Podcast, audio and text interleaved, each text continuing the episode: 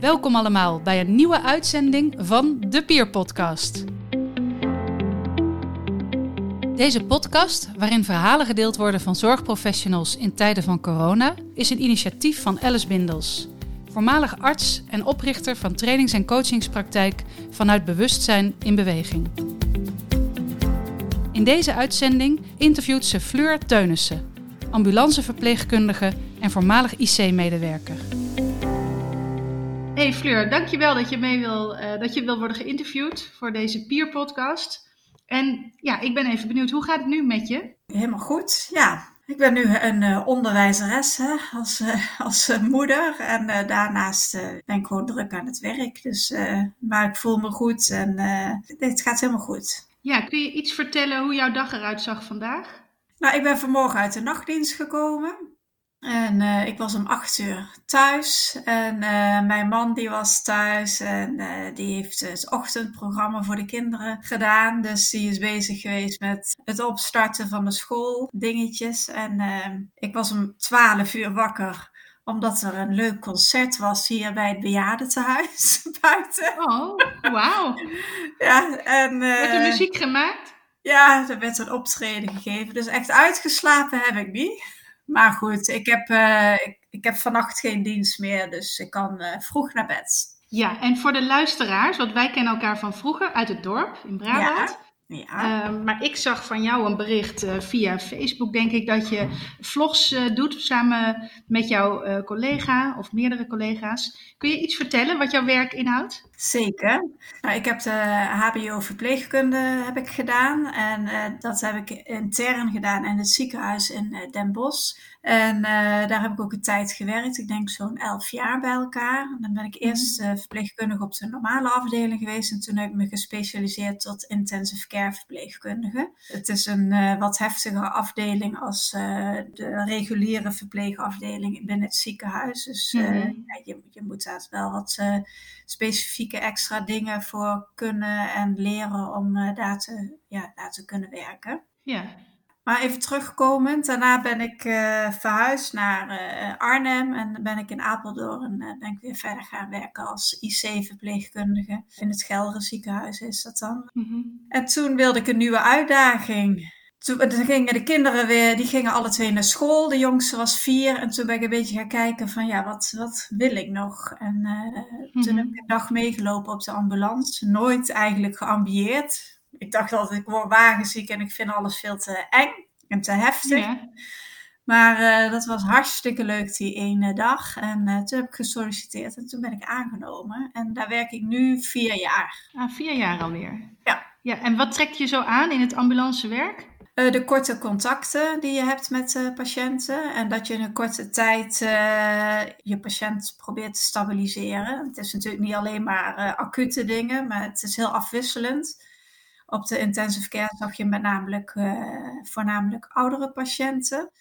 En mm -hmm. uh, ja, nu heb je te maken met ouderen, met mensen van leeftijd van jij en ik. En uh, met, ook met kinderen natuurlijk. Je hebt ook te, te, maken met korte ritten, dus ritjes naar een bestralingsinstituut. Dus ja, dan heb je natuurlijk een heel ander contact dan met een patiënt die een uh, groot auto-ongeval heeft gehad en die uh, wat buiten bewustzijn is. Ja. Dus het is super afwisselend, de korte contacten en in een korte tijd uh, zo snel mogelijk de juiste zorg weten te geven. Ja. En dat vind ik heel erg leuk om te doen. En je vond de IC al leuk, maar de ambulance, daar ben je nog meer op je plek? Ja, ik vond de IC leuk. Daar heb ik ook echt tien jaar gewerkt ongeveer. En um, dat vond ik leuk, maar de, de, uitdaging was een beetje zoek. En uh, dat denk ik te maken, ja, er liggen toch heel veel dezelfde patiënten op de intensive care. En je hebt langdurige zorg. En uh, dus vaak liggen de patiënten daar al wel een tijdje. En het leukste was dan als de patiënt net binnenkwam en dan instabiel was, vond ik dan het uitdagende. Mm-hmm. Ja, nou ja, goed. Je moet af en toe ook eens uh, afwisselen hè, met je baan, vind ik. Ja, ja, na tien jaar. En ik hoor dat, dat je werk op de ambulance heel veel variatie en ook een diverse populatie geeft. Ja, dus precies. Ik kan me voorstellen dat dat echt ja. Uh, ja, ja, interessant maakt. Ja. En begreep ik nu dat je nu door de, want dat is natuurlijk de eerste vraag die ik even in deze tijd wil stellen. Ik ben deze podcast voor peers gestart, voor mensen in de zorg, omdat ik benieuwd ben wat er nou veranderd is in het, in het werk sinds de corona-uitbraak. Kun je daar iets over zeggen? Ja, nu zitten wij wel in een regio waar het niet zo druk is als in Noord-Brabant bijvoorbeeld. Hè. Daar, mhm. daar is een tijd geweest, het is nu ook minder dat ambulances af en aanreden ja. en echt heel druk waren. Dat, dat hebben wij niet echt meegemaakt in onze regio.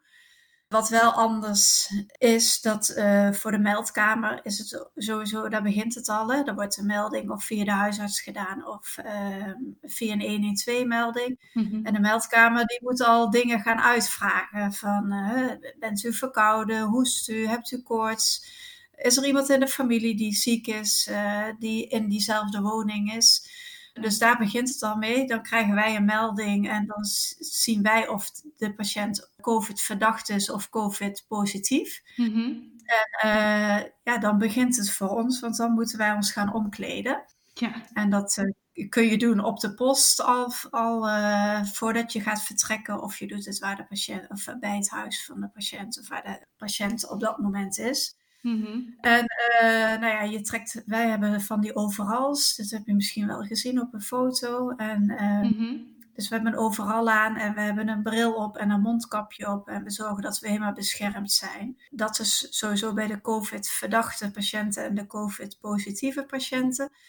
En uh, ja, omdat het toch een beetje een moeilijk uh, defieerbare ziekte is, die corona, die COVID, is iedere keer mhm. zijn, is alles aangepast, de maatregelen. Dus ja. ja, we zijn iedere keer toch gaan opschalen. Dus, dus nu eigenlijk zijn we bij eigenlijk bij alle patiënten hebben we sowieso een mondkapje op. Mm voordat we daar naartoe gaan. Dus ook bij patiënten die bijvoorbeeld gevallen zijn en een heupfractuur hebben. Ja de bedoeling dat wij dan met een mondkapje bij de patiënt komen. Eigenlijk meer better safe than sorry. Ja, precies. Ja, we zetten hoog in. Ja, en ik kan me voorstellen dat het voor jullie al belastend is met de hele tijd die omkleedsessies en, en hoe dat is tijdens je dienst en tijdens je werk om met zo'n kapje en pak aan te zijn. Maar hoe reageren de mensen erop? Waar je, want jullie komen echt bij in de straten, bij de mensen thuis. Ja, in het begin zag je echt dat mensen, eh, als je ergens naartoe reed en de ambulance uitstapt, dat, dat verderop een stuk of tien mensen staan te kijken van, uh, oh kijk daar, wat, wat, uh, wat komt daar dan uit de ambulance? En oh, het is er eentje, weet je wel. Het, ja, ja. Je ziet wel dat de angst regeert en ook bij de, bij de patiënt zelf hoor, en ook bij de familie. Ja? Ja, Merk je dat ook tijdens het vervoer? Ja, nou ja, mensen zijn vaak wel benauwd die, die je meeneemt. Dus uh, het is allemaal wat stiller en uh, merk je bij de patiënten. Ze hebben het er niet echt over, vind ik persoonlijk. Dus misschien dat ze bang zijn of uh, niet over durven te praten daardoor. Mm maar niet door een gebrek aan lucht, maar door een soort verslagenheid? Of? Ja, dat denk ik, ja. Ja. Hm. ja, je moet je voorstellen, wij komen daar binnen als uh, een soort uh, maanmannetje. Mm-hmm. uh, ze weten eigenlijk helemaal niet wat ze voor zich, wie, wie ze voor zich hebben staan. Want het is dit wat mensen zien. Ze zien alleen je ogen. Ja, alleen. Je geeft ook geen handen meer. Je, je komt binnen en zegt van hallo, ik ben Fleur. En uh, ik begreep dat het even niet lekker gaat hier. En we gaan er alles aan doen om je zo snel mogelijk naar het ziekenhuis te brengen. Ja, dan zie je wel de angst en verdriet vooral ook van de familieleden. Hè? Want zij moeten tegen de familie zeggen dat ze niet mee mogen naar het ziekenhuis. Ja, en dat is ook anders dan voorheen.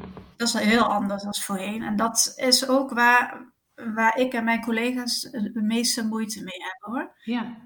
Ja, want mensen weten helemaal niet wanneer ze hun dierbaren weer zien. Ja, ja. Als mensen daadwerkelijk naar de intensive care gaan, daar is ook een verbod op familieleden die uh, daar binnen mogen komen. En uh, dan kan het heel lang duren voordat ze uh, hun dierbaren weer zien. Ja, ja dat, geeft wel, dat heeft wel een impact op, ook op ons. Ja, hoe, hoe raakt dat jullie? Ja, je ziet het verdriet van de mensen, dat zie je. En dan probeer je wel, uh, ja, het enige wat je kunt doen is zorgen dat je je informatie uh, goed hebt. Hè? Dat je de telefoonnummers van de, van de mensen thuis goed noteert. Uh, dat je ze nog eventjes een dikke kus of een dikke knuffel laat geven aan hun dierbaren mm -hmm. die mee in de ambulance gaat.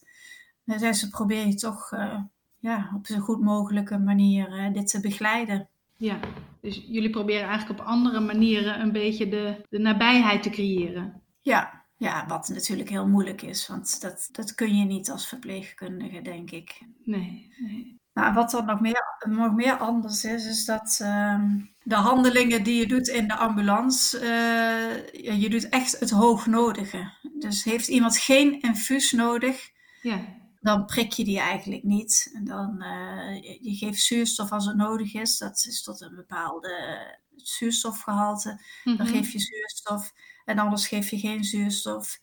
Uh, vernevelen, wat we normaal altijd deden bij de patiënten, dat doe je eigenlijk niet. Of je laat mensen thuis vernevelen met hun eigen apparaat. Ja, allemaal om voor jullie het uh, besmettingsrisico te verlagen. Ja, precies. Mhm. Ja. Dus je doet het hoognodige wat echt nodig is bij de patiënt.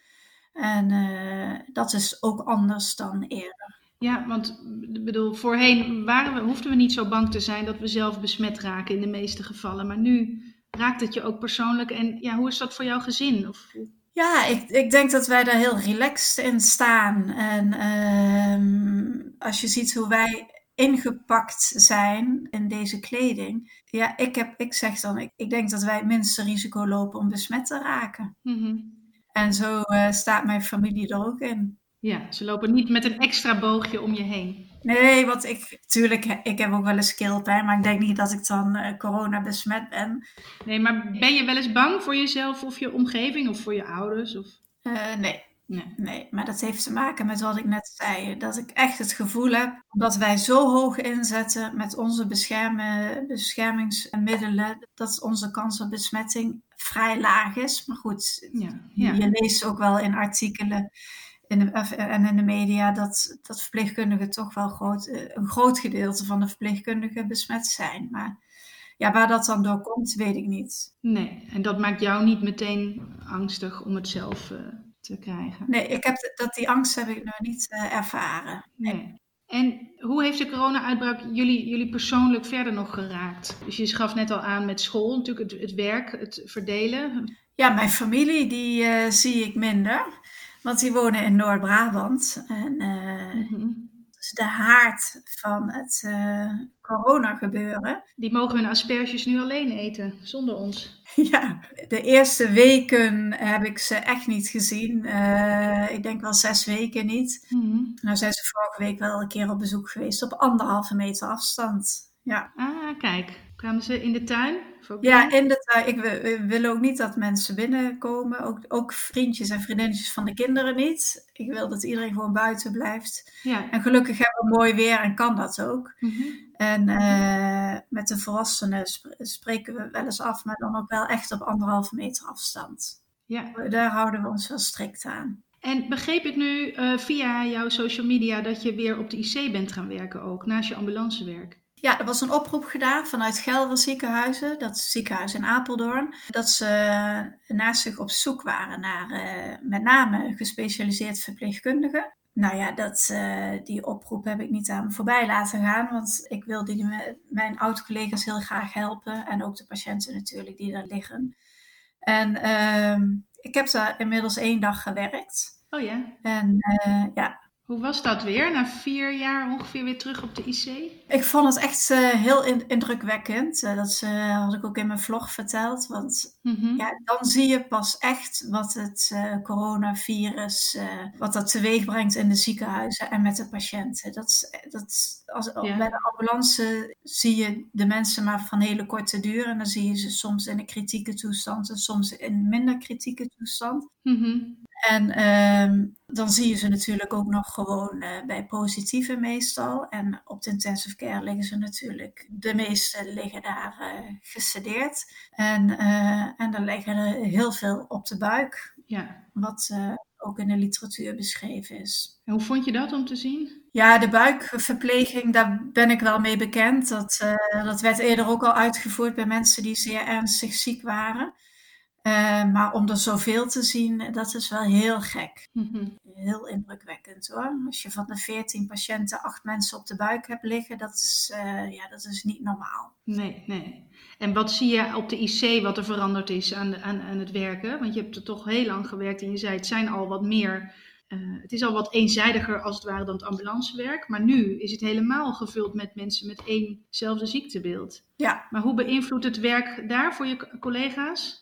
Ja, het is natuurlijk, iedereen uh, verpleeg je in strikte isolatie. Je hebt 14 uh, positief geteste patiënten. En uh, ja, je had daar ook open kamers, maar alle kamers zijn nu afgesloten. Dus we hebben allemaal aparte mm -hmm. kamers gemaakt.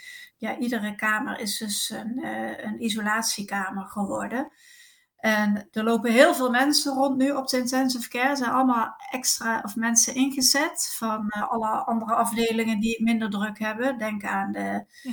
uh, apotheek. Die, er liepen mensen van de apotheek, er liepen mensen van de OK, van de recovery, van uh, de normale verpleegafdelingen. En zijn die extra getraind nu om te helpen op de IC? Ja, dat denk ik wel. In sommige dingen wel hoor. Want uh, de apotheekassistenten die maakten bijvoorbeeld de medicijnen en de, dus de medicatie die in de perfusoren en de spuiten zit. En uh, ik denk niet dat ze dat eerder gedaan hebben. Dus die zullen wel getraind zijn. Ja, je hebt dan het draaiteam. Als mensen dus weer uh, op de buik liggen en die moeten weer op de rug gedraaid worden. Daar hebben ze een speciaal team voor opgezet. En die zijn dus uh, zeker bijgeschoold hoe dat moet. Want dat zijn fysiotherapeuten. Mm -hmm. En dat zijn dan ook een arts die zit ook in dat team om de, om de beademing goed in de gaten te houden. Dus die zijn allemaal extra getraind. En er lopen ook uh, nu artsen van andere specialismes, die uh, werken nu ook op de, op de intensive care afdeling. En die zullen ook wel extra geschoold zijn door de intensivisten.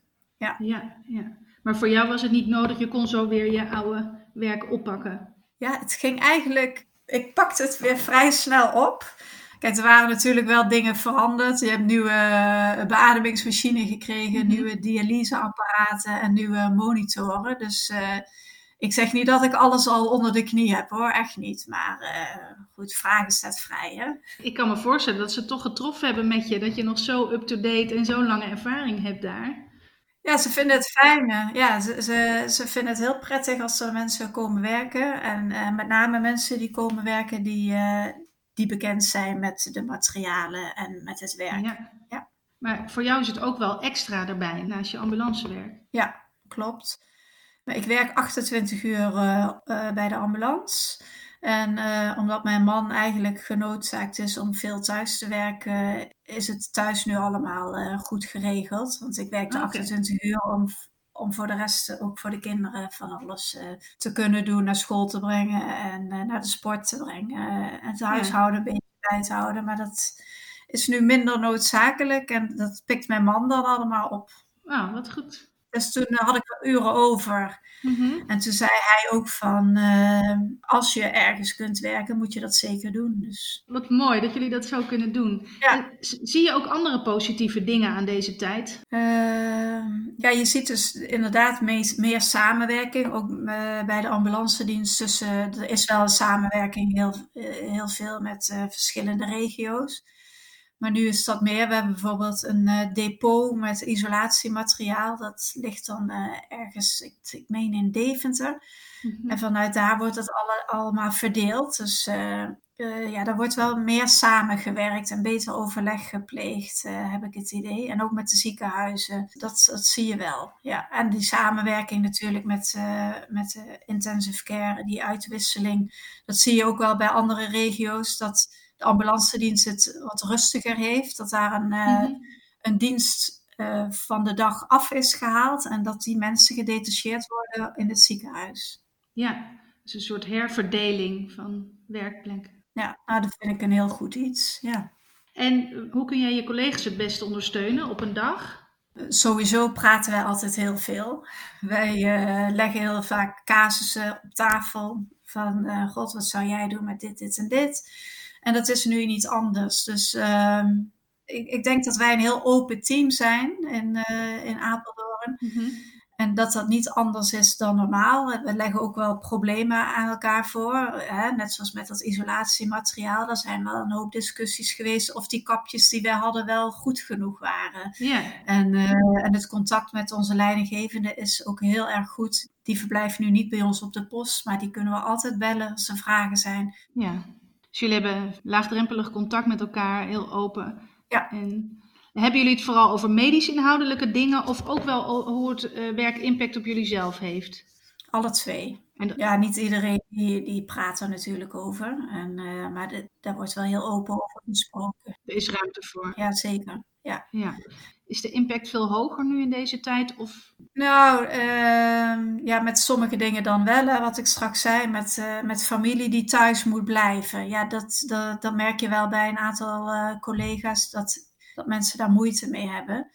En eh, daar heb je het dan over met elkaar. Maar ja, goed, ja, je kunt er, kunt er niet heel veel aan veranderen, want dat zijn nou eenmaal de afspraken. Ja, en je doet wat je, wat je moet doen. Dus, Ja. Maar als je erover praat, dan hoor je dat iedereen daar dan moeite mee heeft. Dus dan is dat wel prettig om te horen dat je niet als enige bent die, daar, eh, ja, die dat lastig vindt. ja, ja, Dus dat geeft je dan ook wel, eh, wel meer rust, denk ik. ja. En weten mensen waar ze terecht kunnen als ze wel erover willen hebben? Hebben jullie een bedrijfsopvangteam of een, iets meer georganiseerd? Ja, we hebben altijd een bedrijfsopvangteam. Dat eh, als we een, eh, nou ja, iets traumatisch mee hebben gemaakt, worden we altijd gebeld door het BOT-team. Zo heet dat bij ons dan. Mhm. En eh, dan wordt er gevraagd of je behoefte hebt aan een gesprekje. En heb je dat niet op dat moment, dan is het ook goed. En dan kun je altijd achteraf nog even contact opnemen. Dus dat hebben we sowieso altijd al. En nu, dat heb ik gelezen in een, eh, in een bericht bij ons op, eh, op intranet. Mhm. Dat we ook een psychologenhulplijn hebben. Dus eh, ja, die kun je dan ook altijd bellen. Ja. Wat doe jij nu het, het eerste? En de andere vraag is, wat doe je het liefste als je thuis komt naar je werk? Het ligt eraan. Hè? Als ik late dienst heb, dan ga ik gelijk naar bed. Neem ik een douche en dan ga ik gelijk naar bed. Ik weet dat ik in het begin met die coro- corona, als ik thuis kwam, ging ik gelijk douchen. Ja, ja. Maar dan ja, je raakt er toch een beetje aan, aan gewend. Dus dat, dat is niet meer. Maar in het begin ben je, ben je misschien dan toch wat angstiger dat je eh, iets op je lijf hebt zitten of zo. Maar eh, Alsof die angst voor besmetting wat afneemt nu. Ja, die neemt denk ik wel wat af, ja. En nu met het mooie weer ga ik lekker in de tuin even zitten. Even kletsen met, eh, met de kids, met mijn man. Ja.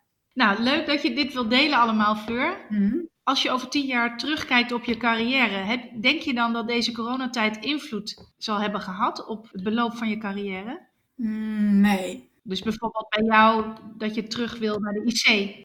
Ja, dat hopen ze op de IC natuurlijk op. Hey. Nou, dat is wel een compliment.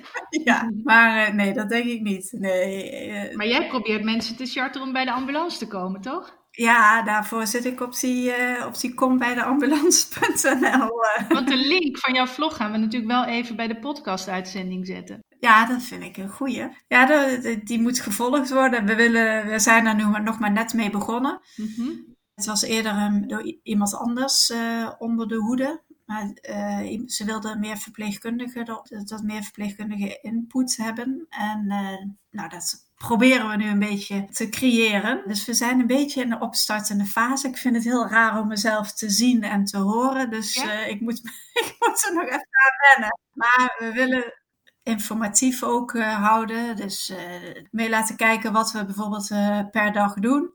En, ehm, maar ook bijvoorbeeld een, eh, een ECG of zo eh, laten, laten tonen en dan daar een vraag over stellen of iets in die trant. Ja, nee, maar ontzettend leuk. Of dat jullie laten zien wat het dagelijks werk inhoudt. En ik kan me voorstellen dat dat tot de verbeelding spreekt. En Ja, ja, mensen zijn altijd wel geïntrigeerd door eh, de ambulance, merk ik. En eh, in deze tijd, dat merken wij ook, in deze tijd is er nog meer. Dus als er een ambulance voorbij komt, kijken mensen nu nog vaker op van, oh, zou het er één zijn? Weet je wel, ja. ja, ja. Ik bedoel, als je in je strikte isolatiekleding voorin zit, ja, dan weten mensen eigenlijk genoeg hè, waar je naar op weg bent. Dus, eh, Ja, nou, ik heb bij de huisarts, of bij de webinar voor de huisartsen, ehm, hoorde ik van ja, de meeste huisartsen willen liefst pas aankleden in de gang van de patiënt, want het, het is gewoon voor de privacy alleen al niet prettig. Mensen denken natuurlijk meteen, hé, hey, wat is daar aan de hand? Ja, maar dat, ja, wij doen dat niet. Wij kleden ons niet om bij de patiënt thuis. Nee, maar ik kan me voorstellen dat het voor jullie eh, gewoon voor het werk noodzakelijk is dat je al helemaal Ja. aangekleed bent. Ja, ja ik, snap, ik snap de huisarts ook wel hoor. Het is natuurlijk ook. eh, Een beetje zoeken. Maar ja, goed, wij komen ook met de patiënt weer naar buiten in onze kleding. En dat is voor de huisarts anders. Ja, ja, absoluut. Zou je toejuichen als een van je kinderen in de zorg wil werken? Ja, zeker. ja, ja, nou ja, ik, uh, ik, ik heb nooit in mijn jongere jaren gedacht dat ik deze richting uh, op zou gaan. Echt helemaal niet. Uh, ik heb ook eerst de SEALS gedaan, sportschool. Ja.